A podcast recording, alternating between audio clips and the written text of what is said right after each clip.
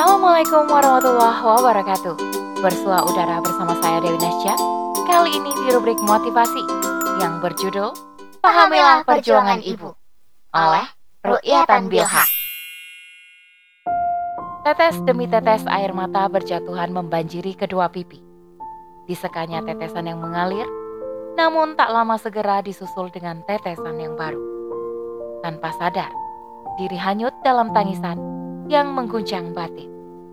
Terlintas dalam benak, seorang wanita yang sangat besar perjuangannya saat diri kecil hingga dewasa. Dia adalah kekasih hati, penyejuk di kala risau, pembimbing iman. Dia tak lain tak bukan adalah sang ibu. Setelah hanyut dalam tangis sepi, air mata mengering, hati mulai tenang. Dilanjutkannya, rangkaian kata demi kata berupa tulisan yang sama sekali tidak bermaksud menggurui. Namun, hanya sekedar mengingatkan bagi setiap insan yang bergelar anak. Baru beberapa kata terangkai. Tak lama wanita tegar sang pahlawan itu menghubungi melalui sambungan Android. Terdengar suara yang telah terekam dalam memori sejak berada dalam kandungan, membuat ingin menangis seketika itu juga. Namun segera ditahannya dan tetap berbicara tenang agar ia tidak mengkhawatirkan diri seperti biasanya. Iya, sering kali wanita spesial bergelar ibu bisa mengetahui kondisi sang anak hanya dengan sekedar mendengar suaranya. Ajaib. Sahabat, ketika kita bernostalgia mengingat masa kecil kita, masa sekolah, masa kuliah, maupun masa kerja yang telah kita lalui dahulu, sering kali muncul pertanyaan dalam benak. Bagaimanakah sekarang kabar teman-teman kita dulu? Tinggal di mana mereka sekarang? Hingga tak jarang kita berusaha mencari mereka di kolom pencarian media sosial. Ketika berhasil terhubung dengan mereka, kita pun langsung segera merajut tali silaturahmi yang sempat terputus. Benar saja, terpancar kebahagiaan luar biasa bisa bertemu dengan mereka yang pernah hadir mengisi hari-hari kita di masa lalu. Jika kita mau menghitung, rata-rata jalinan pertemanan kita dengan teman SD hanyalah enam tahun lamanya. Teman SMP dan SMA, masing-masing tiga tahun. Teman kuliah empat tahun, serta teman kerja maksimal belasan tahun. Tidak dengan sang ibu. Berapa lama ibu ada dalam kehidupan kita? Paling lama bisa puluhan tahun. Oleh karenanya, pantaskah kita menduakan ibu kita? Pantaskah kita mendahulukan teman dibandingkan ibu kita? Pantaskah kita sering kali mengunjungi teman, namun jarang untuk ibu kita? Wahai sahabat, bukankah ibu adalah anugerah besar yang Allah SWT berikan kepada kita? Sesungguhnya, tidaklah kita mampu membalas semua jasa-jasanya dengan bentuk apa pun. Namun, bukankah ada potensi dalam diri untuk bisa membahagiakannya dengan menjadi anak yang berbakti padanya dan menaati hukum Allah SWT semasa hidup? Jika sang ibu telah berpulang, kita pun masih bisa berbakti dengan cara mendoakannya, memohonkan ampunan untuknya, serta bersedekah atas namanya. Bukankah salah satu kebaikan yang tiada terputus adalah doa anak yang saleh? Dua setengah tahun yang lalu, di waktu pada sholat subuh, ketuban penulis mulai pecah dan langsung segera dibawa ke klinik persalinan untuk persiapan melahirkan anak pertama. Kurang lebih sekitar 12 jam, menahan rasa sakit kontraksi dan demam pun menyerang.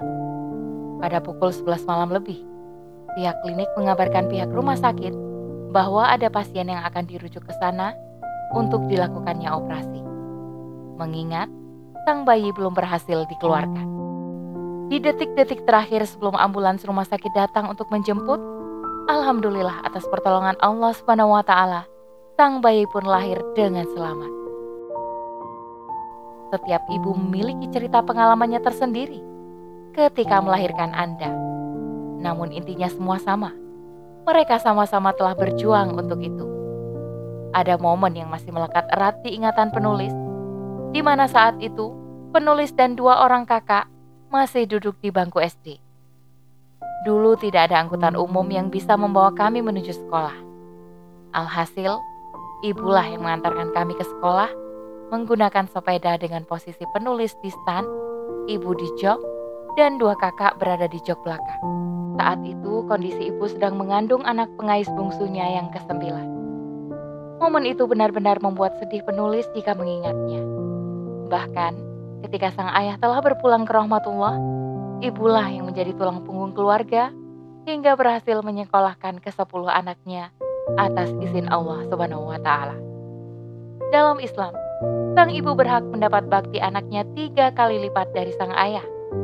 Bukan bermaksud merendahkan martabat sang ayah, hanya saja ini adalah gambaran betapa besarnya kehormatan yang diberikan kepada seorang ibu dalam Islam. Hanya Islamlah yang mampu memuliakan makhluk luar biasa yang menyandang gelar sebagai ibu.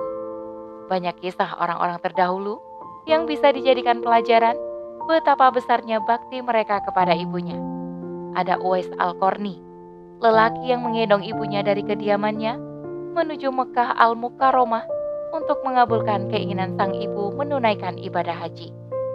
Ada juga Sa'ad bin Ubadah yang menyedekahkan kebun yang banyak buahnya atas nama sang ibu.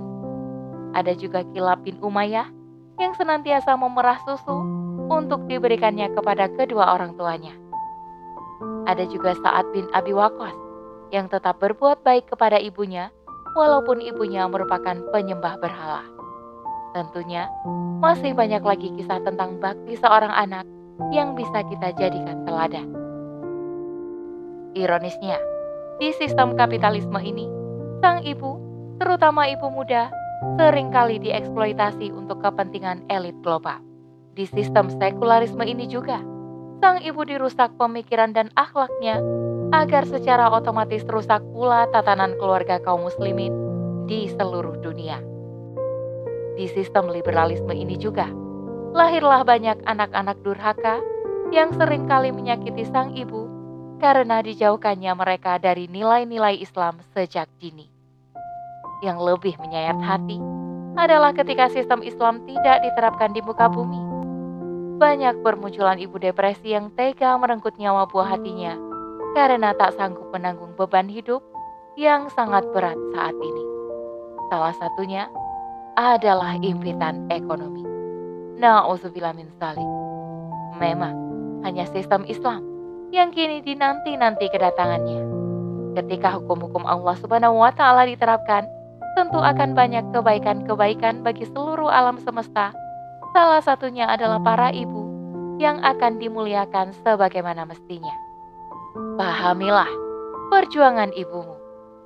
Berterima kasihlah padanya walau kita tidak mampu membalas kebaikannya dengan sempurna. Namun, yakinlah bahwa Allah Subhanahu wa taala adalah sebaik-baik pemberi balasan. Wallahu a'lam. Demikian rubrik motivasi kali ini. Sampai bertemu di rubrik motivasi selanjutnya. Saya Dewi Nasyak undur diri. Assalamualaikum warahmatullahi wabarakatuh.